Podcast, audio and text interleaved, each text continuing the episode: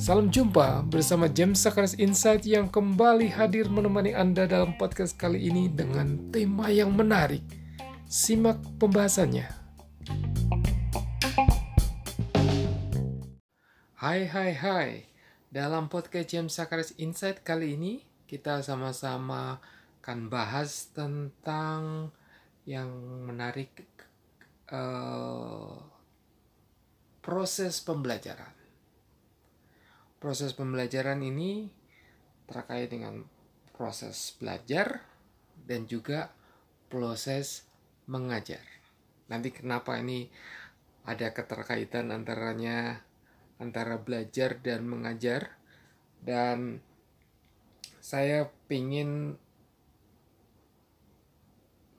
kita hubungkan dengan kondisi ataupun kebutuhan baik di lingkungan pekerjaan, bisnis, di mana ada persaingan atau kompetisi baik dari sisi bisnis, dari sisi perusahaan di level perusahaan sampai ke level pribadi atau sumber daya manusia. Jadi kenapa relevansi antara proses pembelajaran ini terhadap kondisi dan kebutuhan dari pengembangan sumber daya manusia sih sebetulnya yang yang menjadi tema menarik yang akan menemani kita sama-sama untuk kita obrolin bersama-sama. Ini sebetulnya simple ya. Jadi kalau kita bicara tentang kompetisi, kita akan teringat apa yang disebut keunggulan kompetitif. Jadi keunggulan kompetitif itu nanti kalau di sisi bisnis ataupun sisi uh, perusahaan atau organisasi lain itu nanti yang dalam persaingan itu kan yang akan dilihat itu uh, output dari hasil atau produk yang dihasilkan. Dan kita juga harus lihat dalam menghasilkan output atau hasil yang ya hasil yang akan menghadapi suatu kompetisi ini melewati proses-proses di mana di proses-proses itu ada uh, banyak banyak banyak komponen atau aspek yang terkait. Nanti kalau kita bicara produk, kita bicara bahan, kita bicara sistem, kita bicara infrastruktur atau alat dan yang tidak boleh kita lupakan terkait dengan SDM atau manusianya. Nah, ada ada kecenderungan kadang-kadang di bisnis itu pada kurun waktu tertentu unit bisnis atau perusahaan, brand dan sebagainya memimpin di market dan uh, dalam kurun waktu 5 atau 10 tahun. Kemudian akan terjadi uh, perubahan uh, landscape bisnis ataupun juga teknologi yang terdisrupsi atau disruption technology.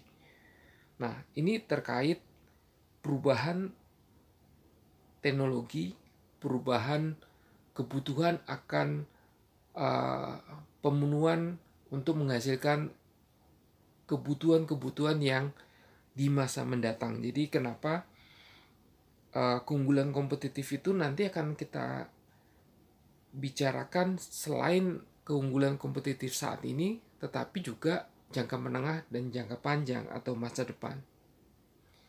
Nah, sehingga kita tadi kan sempat saya singgung tentang uh, keunggulan kompetitif dari sisi teknologi karena nanti menghasilkan produk-produk yang yang dengan efisiensi dengan tingkat kompleksitas yang yang bisa dipecahkan dengan atau di di dipenuhi dengan keberadaan teknologi itu dan sisi manusianya harus juga mengikuti perkembangan teknologi. Sehingga kenapa keunggulan kompetitif itu juga melekat pada sisi manusia atau SDM-nya. Nah, dari sini kita dari sinilah yang yang menjadi titik tolak proses pembelajaran itu sendiri.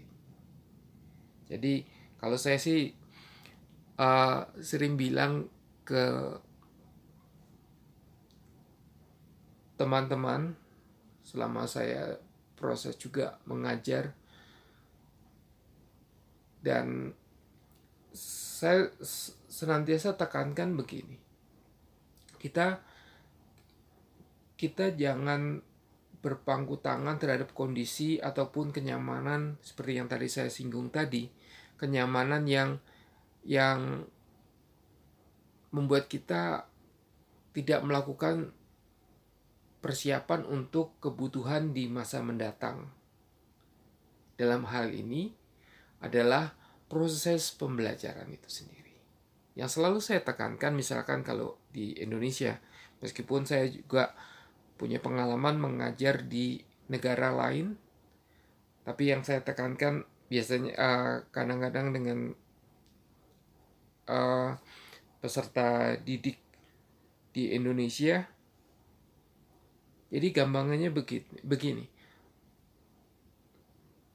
Saat kita tidur, di belahan dunia lain seperti di Amerika ataupun di Eropa, mereka bekerja, mereka berkarya, mereka ber, melakukan uh, yang tadi saya katakan untuk meningkatkan keunggulan kompetitif mereka baik dalam sisi skillnya, dalam sisi knowledge-nya, dalam proses pembelajaran itu sendiri. Nah, nanti kita akan lihat. Kan tadi sempat saya singgung bahwa pembelajaran itu memang tatarannya kebutuhan akan untuk proses keunggulan kompetitif dan juga dalam persaingan ini kita juga akan melihat bahwa uh, level persaingan ataupun kompetisi itu juga sampai ke tataran SDM karena memang uh, komponen yang juga memengaruhi yaitu SDM termasuk yang termasuk tarik tadi bahwa persaingan kompetisi antara produk yang dihasilkan juga nanti akhirnya ada persaingan atau kompetisi dari penyerapan sumber daya manusia dalam hal ini tenaga kerja. Nah, yang kedua, yang nanti mungkin juga akan saya singgung di uh,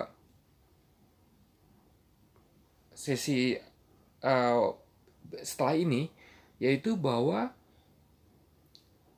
selain tadi kan saya sempat singgung bahwa pada saat kita istirahat ada yang melakukan uh, aktivitas sehingga proses untuk pembelajaran ini terus berjalan. Jadi kalau kita tidak melakukan apa-apa, kita akan di kita akan berpacu terhadap waktu dan juga terhadap sumber daya manusia di segala uh, tempat. Dan yang kedua, ini juga terkait dengan pengalaman saya waktu memberi uh, training dan juga dalam proses belajar dan mengajar di beberapa negara. Nah, nanti akan saya cerita. Jadi ternyata uh,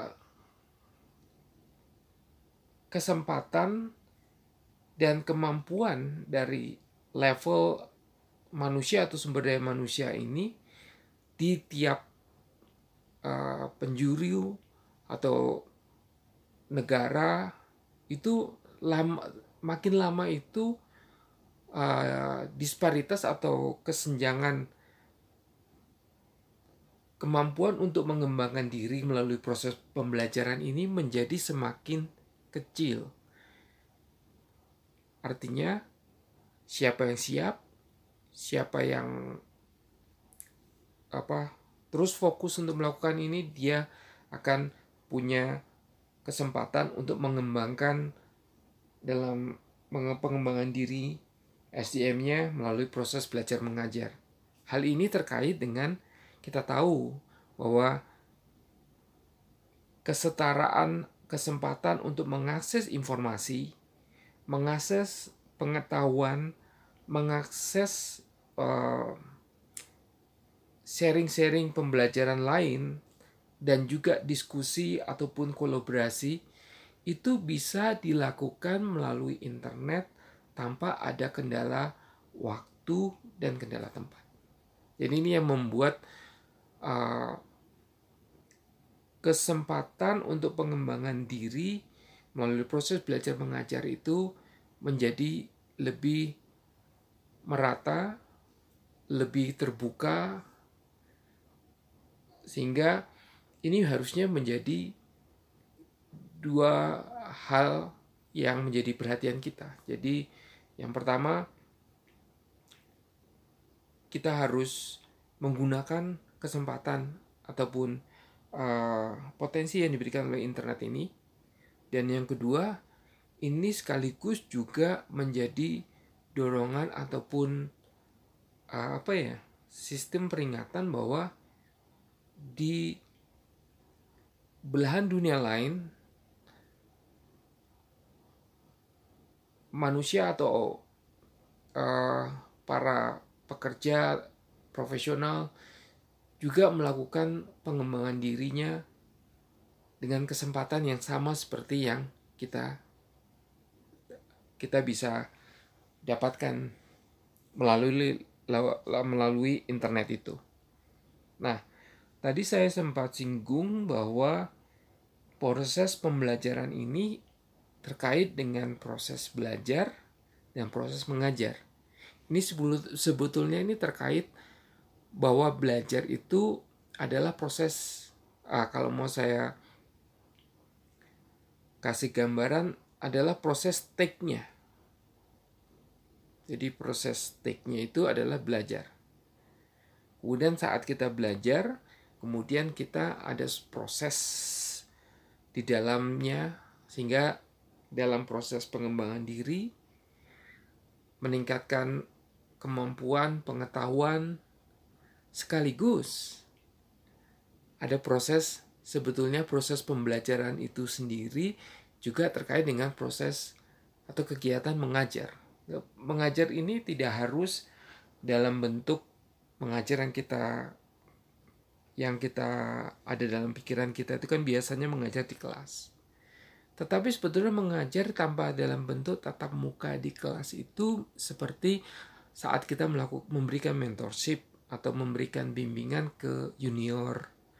Ataupun juga dalam kita tadi setelah kita belajar terus kemudian kita um, me, memproses pengetahuan informasi itu dan juga memprosesnya itu terkait dengan kegiatan kita menganalisa ataupun kita memecahkan suatu uh, problema-problema yang ada atau hipotesa-hipotesa yang kita buat termasuk di dalam proses ini itu sekaligus kita juga melakukan diskusi ataupun curah pendapat baik itu dengan teman sejawat ataupun juga saat kita mengajukan ide dan kemudian bisa memberi alasan ide saat kita misalkan kita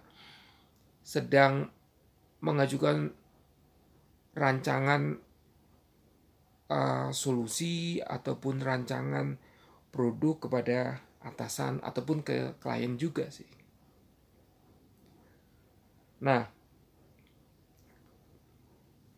nanti akan saya sebentar lagi saya akan bahas sebetulnya lebih lebih ke arah cerita sih ya tentang proses pembelajaran ini tetapi yang saya sebut saya istilahkan sih learning experience journey. Jadi learning experience journey itu bahwa berarti kan ada tiga kata ya. Proses pembelajaran, ada experience-nya itu ada pengalaman dan ada journey. Jadi proses pembelajaran proses-proses pembelajaran itu seperti dalam kita itu uh, pengalaman dalam berpergian atau traveling ke suatu tempat. Jadi uh, lebih ke arah sesuatu yang uh, ada pengalamannya, ada langsung bersentuhan dengan aplikasinya, kemudian experience-nya itu nanti saya akan cerita itu terkait juga bagaimana kita membangun proses pembelajaran itu dengan menyenangkan.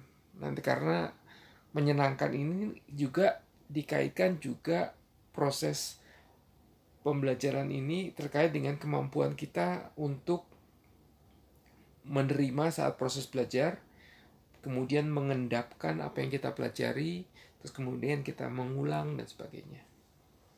Nah, sebelum saya masuk ke learning experience journey, saya ingin juga kasih gambaran ke ke Anda bahwa uh, pengalaman saya untuk proses belajar mengajar termasuk transfer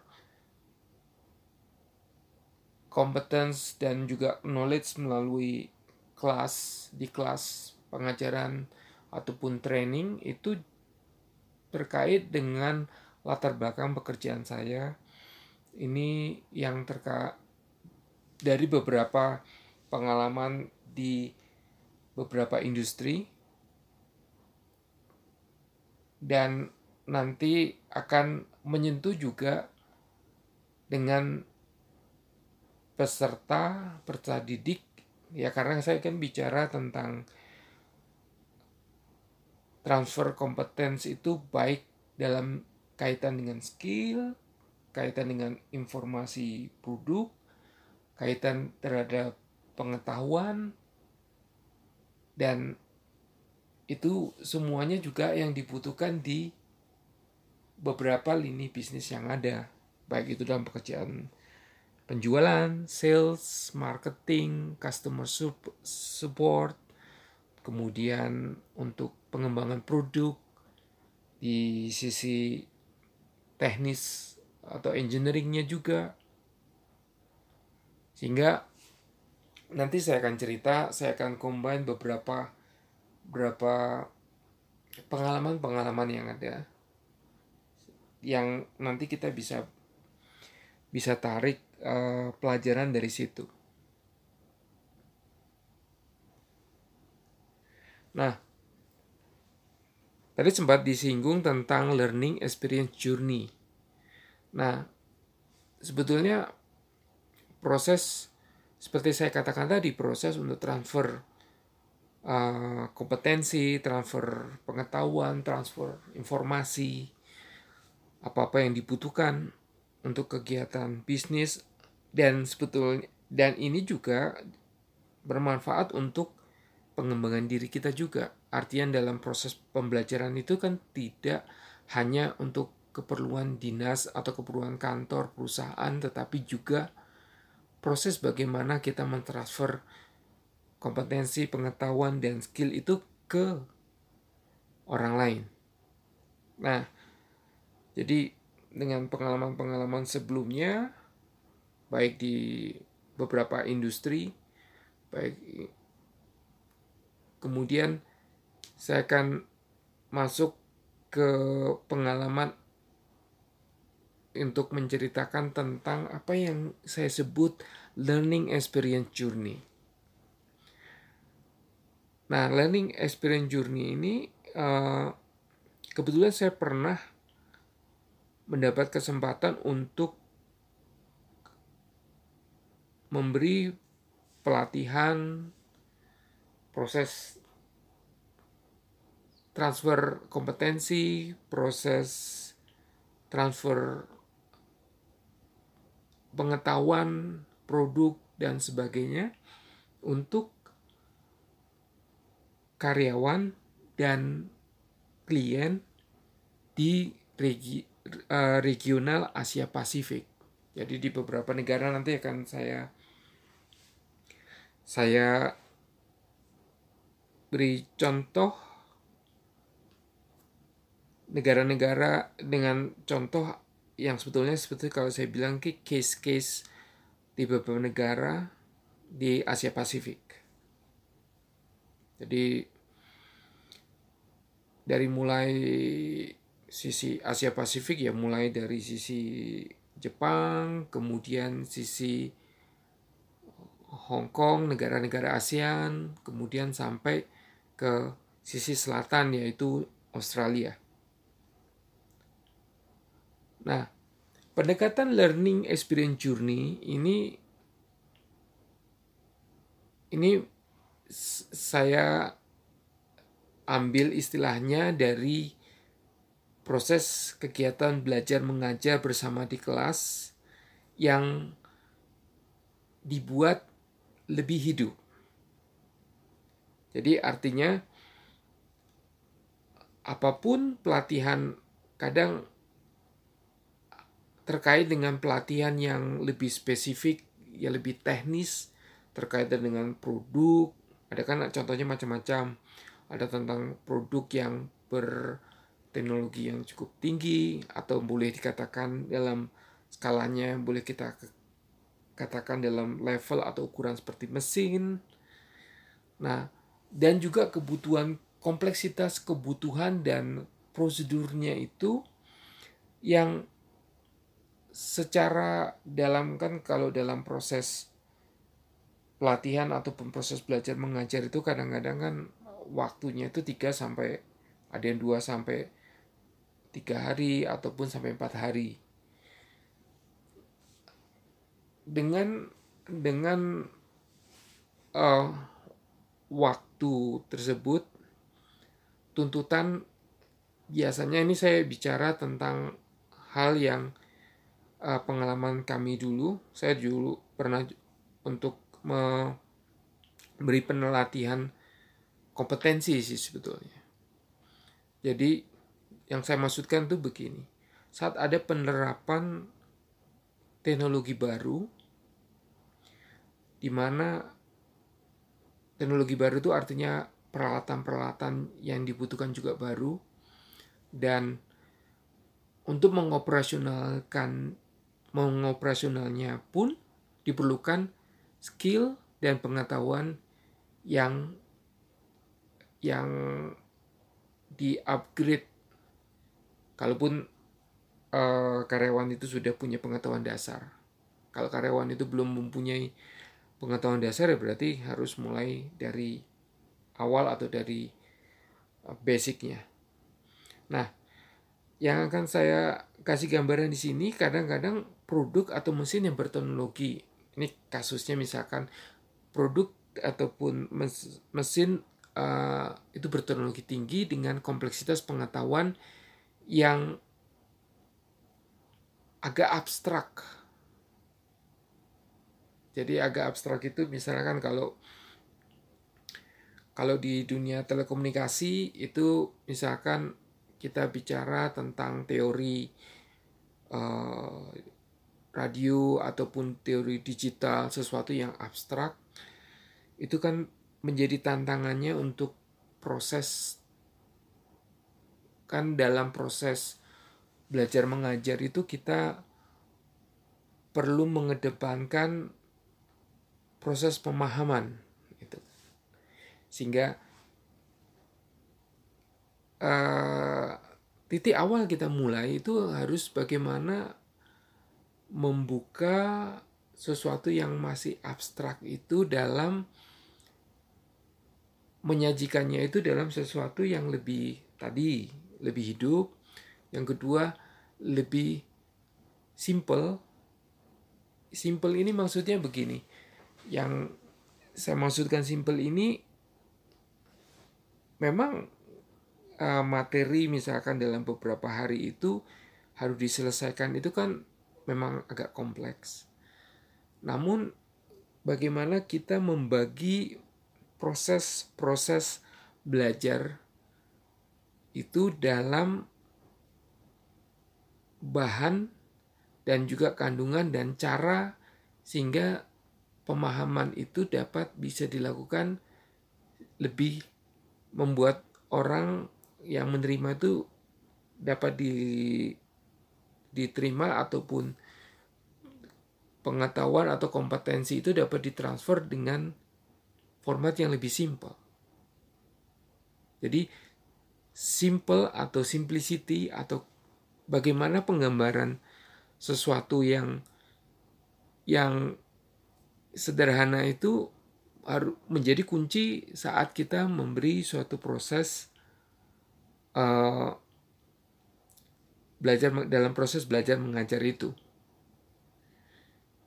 Dan di proses belajar mengajar itu untuk membantu kita kalau mau saya katakan bagaimana pikiran bisa uh, ke arah yang gambarannya bisa abstrak atau sesuatu yang kita nggak lihat pernah lihat jadi kan kadang kita kadang-kadang mempelajari sesuatu itu kadang-kadang ada yang bisa langsung lihat atau sebelum sebelum pada fase prakteknya itu kita diberi pengetahuan pengetahuan pengantar supaya kita memahami. Nah, sebelum kita masuk pada sesi prakteknya itu kita kan berusaha untuk memahami. Nah, proses yang yang saya tekankan di learning experience journey ini bahwa satu tadi kan harus simple. Terus yang kedua, bagaimana untuk mengaitkan sesuatu yang abstrak atau sesuatu yang belum pernah ada gambarannya, yaitu dengan kita menambahkan suatu uh, analogi ataupun sesuatu metafora. Jadi kalau analogi itu gini, Misalkan saya kasih gambaran ini ada uh, chip di komputer ataupun chip di handphone yang melakukan semua proses. Nah, bagi orang untuk mempelajari kerja komponen chip ini, kadang-kadang tidak serta merta langsung langsung ada gambarannya. Sehingga kadang-kadang kita menarik suatu analogi, sesuatu yang mirip apa yang biasa yang, yang kita kita uh, sudah pahami dalam kehidupan ataupun dalam kacamata cara berpikir kita. Jadi misalkan kalau tadi bicara tentang chip atau prosesor, kita uh, kasih gambaran misalkan jantung. Karena manusia itu kan dalam beraktivitas itu itu uh, untuk memulai aktivitas semua yang menggerakkan semua itu itu jantung. Meskipun sebetulnya kalau mau saya lebih analogi yang lebih tepat itu sebetulnya otak ya yang analogi yang lebih tepat untuk prosesor itu kalau di manusia ataupun organ manusia itu otak. Karena kan nanti kan dia memikir, menganalisa dan sebagainya. Itu itu sisi analogi. Kalau sisi metaforanya itu sebetulnya metafora itu menggambarkan sesuatu proses dalam hal yang yang kita lebih lebih lebih pahami. Kalau tadi kan analogi itu kan objeknya. Tapi kalau kalau uh, kalau metafora itu lebih ke arah prosesnya atau sistemnya. Nah, tinggal nanti kita mengaitkan sistem mana yang yang lebih mudah untuk ditangkap untuk bisa nanti mengaitkannya ke materi yang lebih kompleks atau lebih abstrak. Dan yang jadi tadi satu bahwa kita harus ini juga berlaku bagi yang mengajar dan juga yang belajar. Karena yang belajar ini pun juga bagaimana nanti bisa mudah untuk menangkap apa itu berarti kan harus mencari sesuatu yang yang memudahkan untuk dia bisa menerima. Jadi kan kenapa saya katakan belajar yang belajar pun juga harus karena pada proses belajar, belajar pembelajaran ini ada yang belajar itu yang yang tidak terlalu aktif artinya dia proses satu arah mendengarkan yang mengajar.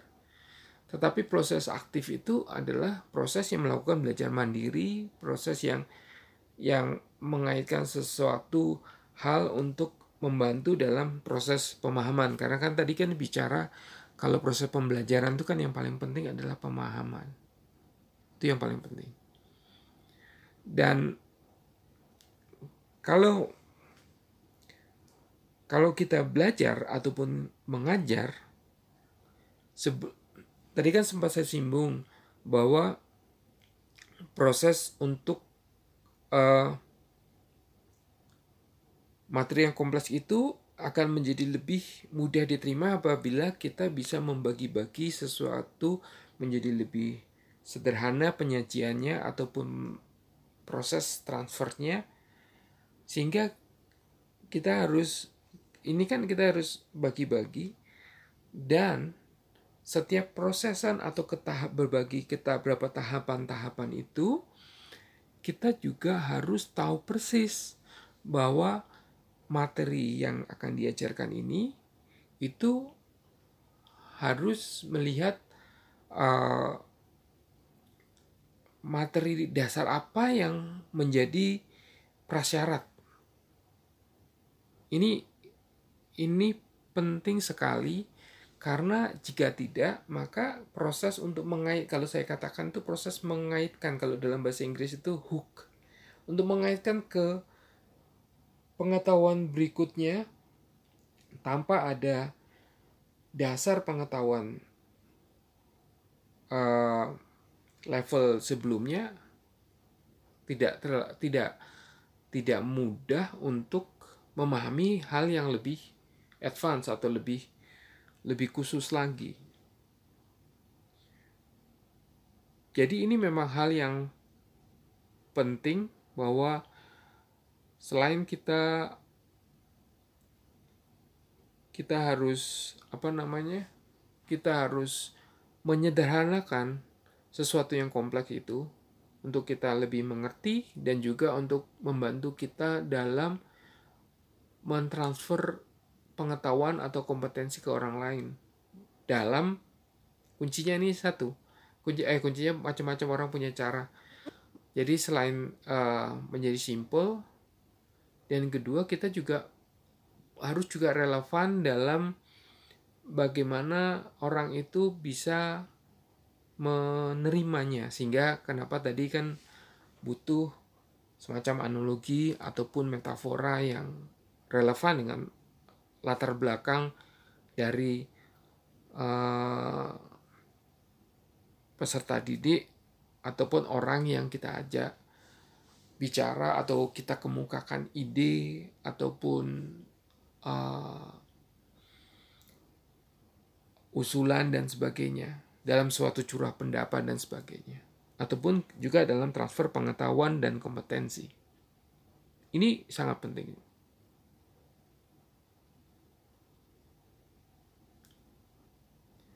Nah, hal yang lain yang penting dalam sesi learning experience journey, jadi kan tadi proses untuk yang simple tadi membuat sesuatu itu simple untuk mudah dimengerti, terus kemudian ada mengait pengaitan atau hook sehingga nyantol ya. Ini ke sini ke sini dan ke sini. Oh, hal ini nyambung ke sini. Ini uh, ini terkait dengan sebetulnya kerja otak. Jadi di kerja otak itu sebetulnya saat kita belajar itu uh, neuron-neuron di otak itu yang berisi pengetahuan-pengetahuan sebelumnya, pengetahuan-pengetahuan lain. Saat kita belajar sesuatu yang baru, neuron itu melalui penghubungnya, sinapsis saling kalau bahasa neuroscience-nya itu rewiring. Jadi dia saling me, menganyam lagi ataupun ber me, menjalin jaringan ataupun networking dengan neuron-neuron lain terhadap hal yang baru sehingga kan kadang-kadang kita begitu belajar tentang suatu hal dan kita memahami kemudian entah ada kita pernah sadar nggak? Oh iya ya dulu pantesan saya pernah gini oh gini. Jadi ada relevansi dengan sesuatu yang pernah kita pelajari. Itu itu mengapa ini bagian dari experience untuk proses mengaitkan atau hooknya. Dan ada faktor lain yang saya saya selalu tekankan bahwa setelah proses belajar meng, mengajar di kelas ataupun praktek di praktek dengan alat ada uh, setelah mengikuti sesi proses belajar mengajar ini mempunyai uh, confidence ataupun kepercayaan diri setelah mengikuti sesi ini. Nah, yang biasa saya lakukan, saya lakukan setelah proses transfer pengetahuan, transfer informasi, dan juga tentang sistem atau prosedur dari produk yang dipelajari dan sebagainya. Kemudian saya buat case, kasus-kasus yang yang nantinya perlu untuk uh, dipecahkan sekaligus ini menjadi apa ya bagi yang yang memberi materi ini sekaligus mengecek seberapa uh, bahan yang telah ditransfer tadi itu bisa di, digunakan, dimanfaatkan untuk memecahkan game ataupun case-case yang dilakukan. Kalau kalau tidak terkait alat ya berarti kita melakukan dengan game itu dalam bentuk case-case dengan analisa-analisa opsi-opsi analisa yang bisa digunakan untuk mengatasi uh, untuk memecahkan suatu problem ataupun kalau terkait dengan training atau kelas ini terkait dengan produk pengoperasian produk dengan prosedur-prosedurnya kita uh, ini melakukan um, uh, case-case yang dilakukan dengan dengan case-case yang terkait dengan problem-problem yang terjadi untuk produk dan bagaimana peserta didik itu bisa untuk mengatasi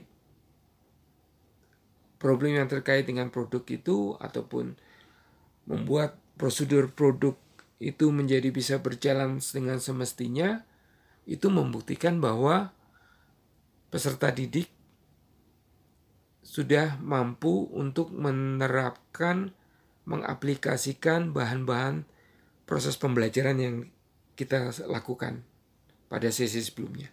Dan ini akan memberikan confidence, kepercayaan diri. Confidence atau kepercayaan diri setelah mereka melakukan suatu praktek ataupun analisa dari informasi pengetahuan skill yang mereka pelajari dalam kelas-kelas training atau proses pembelajaran ini ini sangat penting untuk digunakan, diaplikasikan dalam kehidupan sehari-hari. Jadi itu kenapa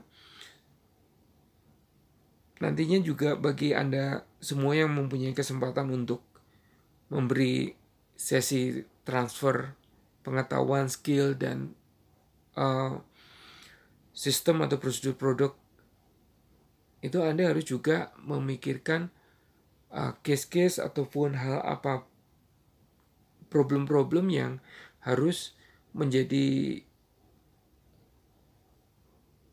tolak ukur untuk kita bisa tahu bahwa uh, peserta didik ini mampu dan juga mempunyai confidence untuk menyelesaikan prosedur ataupun tantangan dalam kehidupan sehari-hari setelah mereka mengikuti sesi proses belajar mengajar ini. Jadi memang uh,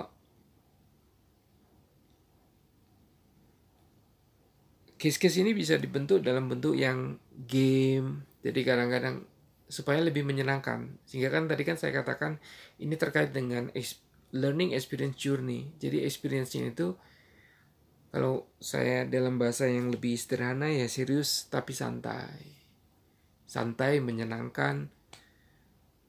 Tetapi seriusnya itu tetap pada proses transfer uh, dan juga pelatihannya ataupun untuk pengerjaan atau prakteknya. Nah, kalau kalau saya pengalaman dulu waktu yang di perusahaan multinasional untuk region Asia Pasifik ini perusahaan global uh, setiap training itu apalagi ini kan terkait dengan seperti saya singgung tadi bahwa uh, misalkan sebelum ada project untuk implementasi alat dan teknologi baru, teknologi teknologi sehingga karyawan-karyawan itu di, dikirim untuk mengikuti sesi pelatihan. Nah, biasanya sebelum sebelum sesi pelatihan itu dilihat juga di mapping juga uh, nanti ada semacam ada konsultan untuk khusus mapping. Kebutuhan untuk teknologi baru yang akan diimplementasikan itu apa siapa aja fitur-fiturnya apa aja kebutuhan untuk pengoperasiannya apa aja kebutuhan untuk pengetahuannya itu apa aja dan itu semua yang harus di dijalankan oleh SDM-nya sehingga dari situ materinya sudah ada sistem atau prosedurnya akan dilakukan seperti apa kemudian dijalankan dan setelah training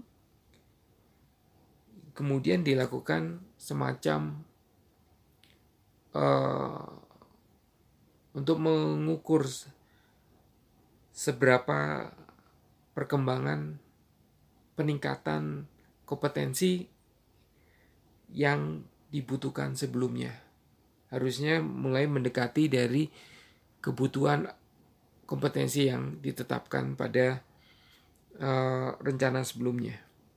Jadi dari sisi ini ini terkait dengan saat karyawan itu diberhadapkan dengan implementasi yang nyata setelah training misalkan ataupun peng, untuk pengukuran kompetensi dengan melewat dengan melakukan proses belajar mengajar yang ada sisi experience meningkatkan confidence itu ini sangat efektif untuk dalam menjalani mereka bisa menjalani untuk proses-proses berikutnya dalam implementasi setelah sesi proses pembelajaran. Nah, tadi kan sempat saya singgung bahwa proses learning experience journey ini dilakukan dengan simple. Simple itu termasuk dalam sisi menjelaskan sesuatu yang lebih lebih mudah diterima dengan menggunakan analogi dengan menggunakan metafora sehingga bisa nyantol ataupun bisa mengait uh, sesuatu yang yang kita pahami ke sesuatu yang yang sedang kita pelajari di proses pembelajaran ini. Sehingga proses metafora atau analogi ini sebetulnya terkait dengan uh, kita kan makhluk yang dipengaruhi oleh sensor baik itu kita kita harus melihat sendiri atau secara visual kita menggambarkan misalkan pemateri itu harus bisa menggambarkan skema dari proses itu dalam bentuk yang secara visual itu lebih sederhana. Itu satu. Dan kedua, kalau kita bicara transfer pengetahuannya itu dalam bentuk prosedur dari yang secara visual tadi itu pemateri itu diharapkan juga mampu untuk me menghidupkan prosedur itu dalam bentuk suatu cerita yang mengalir. Jadi kalau konsep yang sekarang itu yang sering kita dengar itu story story storytelling. Jadi ya sebetulnya seperti itu. Bercerita suatu proses sehingga keterkaitan kan kalau kita bicara suatu prosedur, suatu hal yang kompleks yang berisi banyak prosedur. Tetapi kalau kita sudah buat dalam gambaran yang lebih simple secara visual, karena kan kita belajar itu kan kita juga lihat. Artinya kita apa? Lihat secara indera visual kita, terus kemudian saat kita mendengar proses-proses itu, kalau pemateri, pemateri itu menguasai dengan baik, dia menyajikan dalam bentuk story storytelling dalam bentuk berkisah. Jadi sehingga kalau kita berkisah ataupun dalam bentuk bercerita, konsep bercerita, itu proses-proses yang rangkaian proses-proses yang ada itu menjadi suatu kesatuan yang pindah satu proses ke pindah ke proses lain itu tidak ada jeda atau gap yang berarti lebih lebih lebih lebih smooth untuk uh, prosesnya dan juga bagaimana kita juga untuk peserta didik untuk menerimanya. Sehingga tadi kalau kita bicara ke visual dan kita bicara ke storytelling uh, story, storytellingnya, tellingnya, ini kita bicara sesuatu yang rangkaian prosedur itu menjadi sesuatu yang sistemik. Nah, kalau saya katakan sistemik ini artinya gini. Kan rangkaian-rangkaian proses. Nah, dari rangkaian-rangkaian proses ini kalau nanti kita tahu kan tadi sebelum kita masuk ke yang kompleks, kita sudah secara bertahap kalau saya katakan sih sebetulnya hit and run. Hit and run itu gini. Kasih sedikit dulu, terus kemudian run run itu artinya sebetulnya kalau tinju kan pukul hit terus kemudian petinjunya run menghindar nah hit and run di konsep ini yang saya metaforakan ya. Jadi proses yang saya metaforakan ini ke dari hit and run di petinju apa pertandingan tinju ke hit and run proses transfer pengetahuan atau proses pembelajaran ini. Jadi dikasih uh, pengetahuan, skill, informasi dalam takaran tertentu, kemudian itu kan ibaratnya di hit gitu kan. Terus kemudian run untuk memberi kesempatan peserta didik itu untuk mengendapkan, untuk berproses dalam pikiran sehingga artinya kita sebagai pemateri itu harus tahu target peserta didik. Uh, latar belakangnya seperti apa, kemampuannya seperti apa. Semakin homogen ataupun sama kan biasanya kan lebih untuk dalam kelas itu biasanya lebih homogen sehingga lebih mudahkan untuk transfer semakin tidak homogen, semakin lebih sulit untuk pentransferan karena masing-masing orang punya akhirnya tingkat kesulitan untuk transfer menerima proses pembelajaran itu menjadi berbeda-beda dan itu menjadi makan waktu. Sehingga dalam proses proses pembelajaran di kelas yang perlu kita perhatikan juga homogen mitas dari peserta didik. Ini kita bicara ke efektif efektifan dalam proses transfer pengetahuan skill ataupun proses uh, prosedur suatu sistem yang dipelajari. Nah, dalam hit and run itu kita kan tadi kembali ada takaran tertentu, sehingga lebih tersajikan lebih simpel, lebih mudah untuk dipahami, lebih mudah untuk dikaitkan atau nyantol ke hal-hal tertentu yang yang kompleks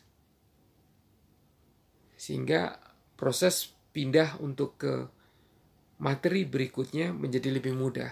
Karena materi yang sebelumnya yang dasar udah dipahami dengan baik karena kan esensi kalau kita uh, transfer transfer ataupun transfer knowledge kompetensi proses pembelajaran ini pemahaman itu yang terpenting. Yang kedua, nanti kalau itu terkait dengan pengoperasian suatu produk ataupun hal-hal yang lain yang terkait dengan sistem itu problem solving, pemecahan masalah, analisa atau pengoperasian suatu alat itu baru kita ke arah praktek atau skillnya. Ada rangkaian proses tadi yang seperti saya jelaskan itu yang harus diuji, dipraktekkan dalam bentuk case case-case yang dibuat prakteknya itu yang lebih menyenangkan buat kayak game-game sebagainya. Sehingga ini lebih lebih lebih menantang sekaligus lebih menyenangkan. Nah, saya tadi kan sempat cerita bahwa bahwa kelas itu juga tantangannya kita harus tahu persis apakah kelas itu homogen atau tidak. Kita harus tahu juga persis peserta didik itu latar belakangnya seperti apa. Saya punya pengalaman itu waktu mengajar di Jepang. Saya kan mengajar di region Asia Pasifik itu di beberapa negara-negara itu menggunakan bahasa pengantar bahasa Inggris. Tapi khusus belajar untuk ngajar di Jepang di di Jepang sih lebih kalau yang lain sih meskipun seperti kita di Indonesia bukan bahasa ibu tapi rata-rata masih bisa mengerti. Tapi kalau di Jepang itu kami harus menggunakan penterjemah. Sehingga tantangan tantangannya saat itu proses transfer itu tidak bisa seperti kita uh, bicara dengan petutur yang sudah dalam satu bahasa. Sehingga waktu itu saya ingat kalau di Jepang itu maksimal tiga kalimat harus sudah diterjemahkan oleh penerjemah. Sehingga tidak terlalu banyak yang disampaikan.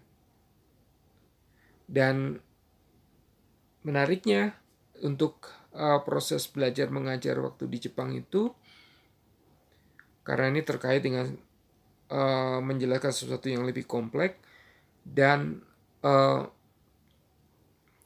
penerjemah ini khusus minta bahwa setiap satu jam ini, setiap 45 menit tepatnya, minta untuk istirahat 10 menit. Ya sebetulnya istirahat. Jadi waktu jeda frekuensi rehatnya itu lebih lebih lebih sering. Ini baik bagus untuk juga untuk penterjemah dan juga ke muridnya karena kan prosesnya uh, mengalami proses yang tidak langsung kan proses komunikasi pemateri ke penterjemah kemudian penterjemah itu ke peserta didik.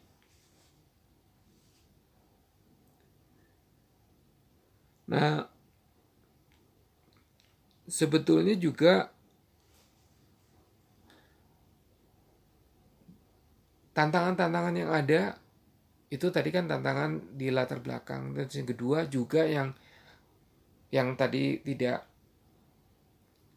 peserta yang tidak mungkin terus kemudian yang kita harus perhatikan kan tadi kan tujuan untuk proses pembelajaran transfer pengetahuan skill ataupun prosedur informasi untuk mengoperasikan suatu alat itu kan terkait tidak hanya pemahaman tidak hanya terkait nanti kemampuan dalam menganalisa dan juga memecahkan suatu permasalahan, tetapi juga dalam mengoperasikan uh, rangkaian sistem atau prosedur yang ada. Nah, artinya ini lebih ke arah praktek. Sehingga harus kita perhatikan praktek ini kan terkait dengan uh, alat yang digunakan untuk praktek. Satu itu. Berapa peserta yang dapat gunakan alat yang ada? Ini terkait dengan waktu yang durasi dari proses belajar mengajar atau pelatihan itu. Nah, jika proses belajar atau pelatihan itu tidak memberi kesempatan waktu dan pengalaman. Karena tadi kan kita bicara tentang pengalaman. Atau meng, untuk menghasilkan suatu confidence untuk uh, skillnya dari masing-masing peserta atau peserta didik itu bisa mengoperasikan secara langsung. Sehingga kita harus menghitung uh, berapa aspek. Yang pertama itu adalah jumlah peserta dan juga jumlah alat untuk praktek. Baru dari situ kita juga harus memperhatikan waktu yang dapat digunakan peserta selama praktek. Karena jangan sampai begini. Problem yang ada itu biasanya waktunya cukup, sebetulnya waktunya itu biasa, standar tiga hari, tetapi pesertanya banyak dari standar yang distandarkan sehingga kesempatan untuk masing-masing peserta itu mengoperasikan alat ataupun sistem rangkaian prosedur yang ada itu untuk mereka praktik itu waktunya lebih sedikit. Nah, begitulah waktunya lebih sedikit ataupun kesempatan mereka untuk praktek dengan alat itu menjadi lebih sulit, otomatis tujuan untuk me memberi experience ataupun juga confidence bagi mereka yang seperti yang saya tekankan di awal tadi menjadi terhambat. Sehingga ini sisi sisi hal yang kita harus sisi hal yang kita harus apa namanya? cermat untuk melihat kondisi-kondisi teknis di di di lapangan. Nah, itu gambaran tentang learning experience journey. Dan biasanya tadi kan saya sudah beri gambaran bahwa proses transfer knowledge, pengetahuan, skill itu tadi dilakukan dalam beberapa tahap di mana masing-masing tahap itu mengedepankan sesuatu yang simplicity yang mudah yang dapat dengan metode-metode yang memudahkan untuk dapat dicerna, diterima dan dicerna. Sehingga proses-proses yang ada itu uh, pemateri itu harus bisa dari sesi 1 ke sesi 2, sesi 3 atau sesi 4 dan tahap proses belajar mengajar itu bisa terus mengaitkan atau misalkan ini pembelajaran di hari pertama di pagi terus kemudian ternyata ada materi di hari kedua yang masih berhubungan dengan hari pertama di pagi itu pemateri harus kembali menyegarkan uh, sesuatu yang berhubungan itu. Jadi misalkan kalau dulu saya itu saya sering uh, menggunakan peralatan itu kan selain pakai slide di power apa namanya lewat monitor infocus. Terus kemudian menggunakan papan whiteboard.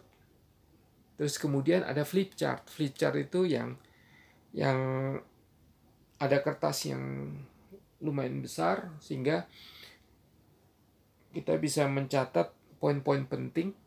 Kemudian pada saat hari berikutnya sesuatu yang kita kembali ke ke bahan-bahan atau materi sebelumnya dengan mudah kita langsung bisa kembali dengan membolak-balik flip chart itu. Secara visual itu sangat sangat membantu untuk menyegarkan kembali. Sehingga keterkaitan antara sesi-sesi itu dalam rangkaian proses itu menjadi lebih lebih saling saling terkait, lebih smooth untuk dapat diterima dan dicerna. Itu sih sebetulnya yang uh, pentingnya di bagaimana kita selalu dalam kalau saya katakan ini melihat sesuatu yang simple itu secara mikro artinya per sesi tetapi secara makro itu kita bisa pemateri itu harus bisa mampu untuk me, me, menghubungkan dari beberapa sesi yang ada itu dalam suatu cerita yang membuat orang tuh oh ya gambarannya seperti itu. Jadi konsep tadi storytelling storytellingnya itu juga ada. Nah ini itu gambaran tentang learning experience journey proses pembelajaran. Dan seperti yang saya singgung tadi bahwa proses pembelajaran itu terkait dengan belajar mandiri dan juga proses mengajar. Karena kita terkait nanti kita mengimplementasikan apa yang kita pelajari itu dengan mengajar, dengan kita berdiskusi, dengan kita uh, mengajukan dan memper apa mengajukan dan menjelaskan ide itu kan proses proses mengajar sebetulnya di sisi itu. Dan sebetulnya dan juga mentorship artinya mentoring ke yang lebih junior. Sehingga saat kita proses mengajar pun seperti yang tadi sempat saya singgung bahwa otak itu jaringan neuron itu melalui sinapsis itu saling rewiring kembali untuk menajamkan pemahaman kita saat kita ngajar sekalipun. Nah, jadi jangan jangan pernah memba, me, me, apa namanya me, membeda, me,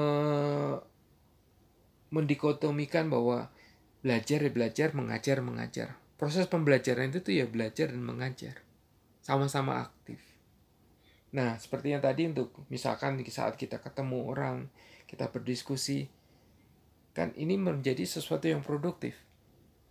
kan kalau kalau kita dengar quote-quote yang ada baik itu Socrates ataupun Eleanor Rose, uh, Roosevelt ataupun dari Maxwell itu rata-rata hampir mirip uh, quote-nya yang menekankan bahwa orang yang besar itu membicarakan ide, mendiskusikan ide. Orang yang yang yang kemampuannya artinya maksudnya nggak pingin menjadi orang yang menjadi apa besar membicarakan dirinya dan membicarakan uh, kejadian-kejadian. Uh, Tetapi dan orang yang yang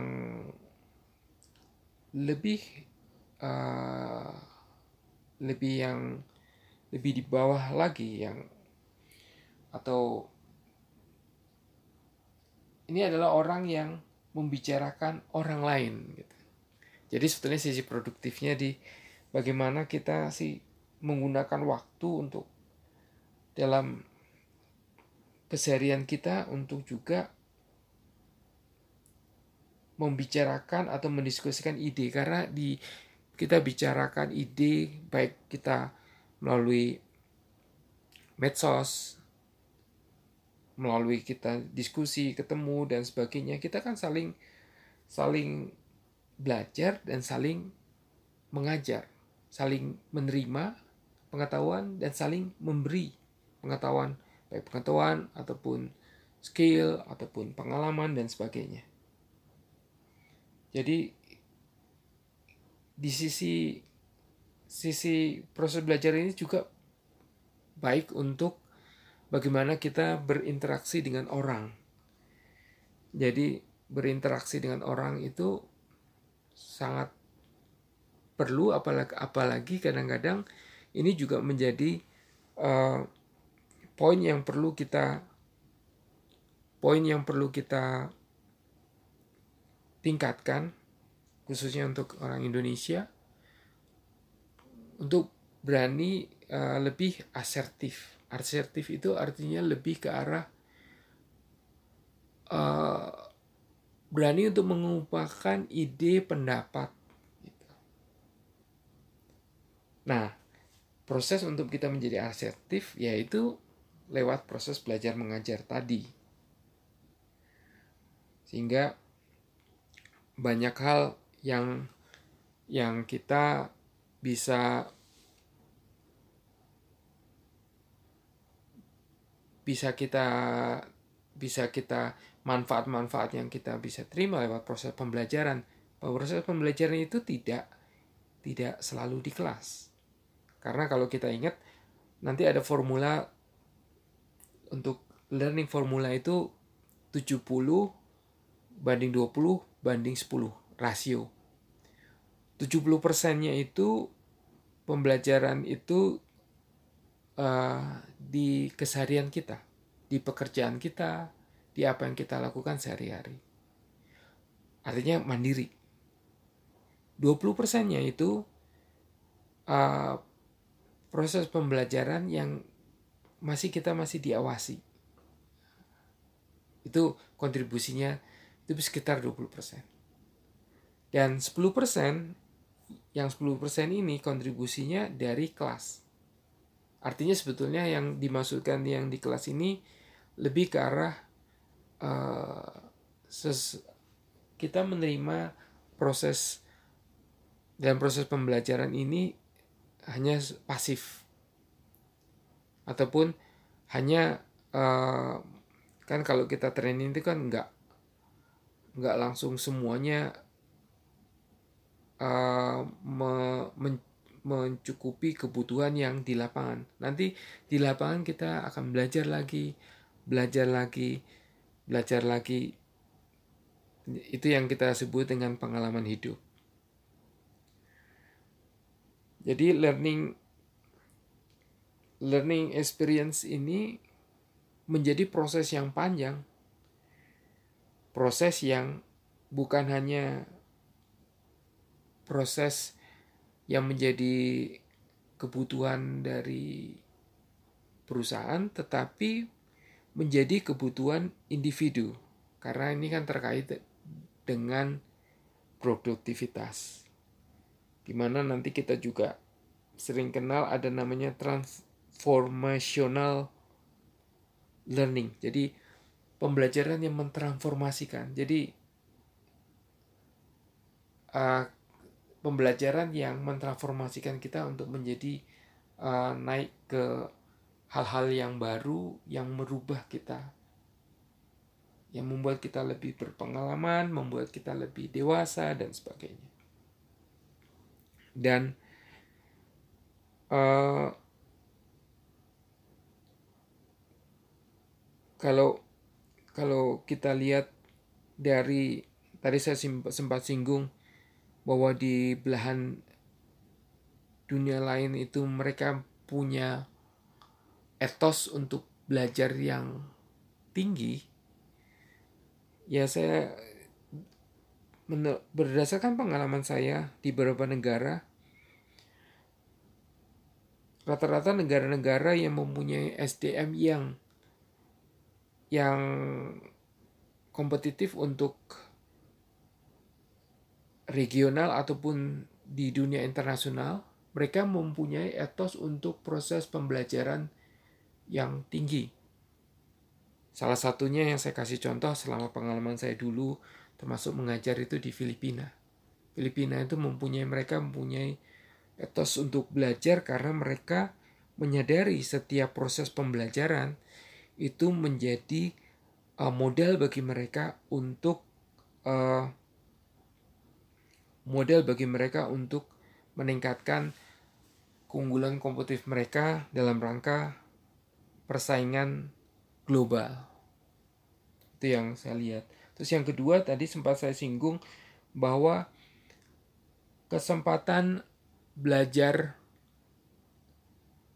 kesempatan belajar ini uh, karena adanya internet memungkinkan negara-negara di mana pun SDM SDM-nya itu bisa berkembang dengan baik. Sehingga saya juga melihat di Vietnam itu mengalami perkembangan yang luar biasa uh, eh, SDM-nya termasuk seperti yang di Jepang yang saya katakan tadi uh, meskipun mereka dalam bahasa Inggrisnya waktu waktu training beberapa tahun lalu itu harus menggunakan penerjemah proses kompleksitas dalam transfer uh, proses pembelajarannya itu lewat pemateri, penterjemah, kemudian ke peserta didik. Namun mereka mampu untuk menyerap esensi dari pembelajaran itu dengan baik dan juga kritis. Itu yang menjadi catatan saya. Dan berikut yang terakhir pengalaman saya yang saya ingat waktu di Australia ada peserta yang mengatakan saya waktu memberi materi untuk mengajar itu dia mengatakan saya masih ingat mukanya seperti bintang film Hollywood Michael Douglas. Dia mengatakan kamu pasti menyukai pekerjaan ini. Ini passion kamu. Dan menurut saya uh, apa yang di diutarakan ya benar adanya dan apa yang membuat saya bisa untuk uh, berada di kelas dengan segala tantangan-tantangan yang ada seperti yang tadi saya sudah jelaskan. Kita akhirnya um, melakukan pendekatan dengan uh, teknik-teknik yang seperti yang tadi teknik dan strategi yang saya jelaskan sebelumnya. Sehingga menghasilkan suatu confidence menghasilkan suatu experience yang menyenangkan baik pemateri ataupun pengajar dan juga peserta didik. Sehingga dalam proses belajar mengajar kita belajar atau mengajar apa pun, jangan pernah ditinggalkan, jangan pernah uh, abaikan bahwa kita juga harus menaruh passion di apa yang kita pelajari, apa yang kita uh, transferkan ke orang lain, proses kegiatan pembelajaran itu kita harus punya passion di situ. Sekian uh, gambaran sharing pengalaman dan juga beberapa hal yang kita bisa pelajari. Semoga menajamkan sekaligus meningkatkan uh, semangat untuk melakukan proses pembelajaran. Tidak hanya belajar yang aktif, namun juga mengajar yang aktif dalam berbagai bentuk dalam kehidupan sesi komunikasi, sesi pertemuan, di mana pun Anda berada, itu bisa kita, Anda semua, kita semua gunakan untuk meningkatkan produktivitas melalui pembelajaran lewat berbagai macam pendekatan atau strategi pembelajaran bisa dengan learning experience journey tadi ataupun yang lain. Semoga ini meningkatkan produktivitas Anda. Dan sekian JM Sakarias Insight kali ini. Sampai jumpa di podcast mendatang. Ciao. Terima kasih telah menyimak podcast JM Sakarias Insight kali ini. Kiranya hadirkan inspirasi untuk hidup kita lebih baik.